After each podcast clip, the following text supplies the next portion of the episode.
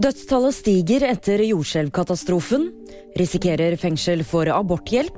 Og kvinne som var erklært død, ble funnet pustende. Over 4000 mennesker har mistet livet etter jordskjelvet i Syria og Tyrkia.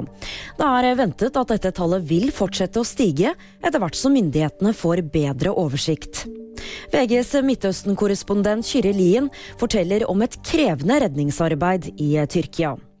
Vi er her i byen Adana i Tyrkia, hvor redningsarbeidet nå pågår for fullt.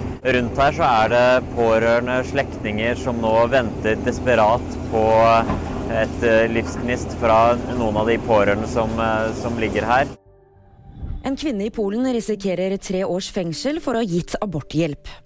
Justina Widrysinska er nemlig tiltalt for å ha sendt abortpiller i posten til en kvinne som ønsket å avslutte svangerskapet.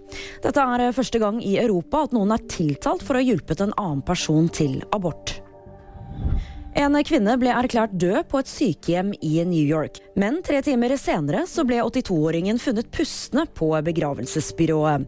ABC News skriver at helsestatusen til kvinnen er ukjent, og at saken er overført til statsadvokaten for etterforskning. Det var VG nyheter, og de fikk du av meg, Julie Trond.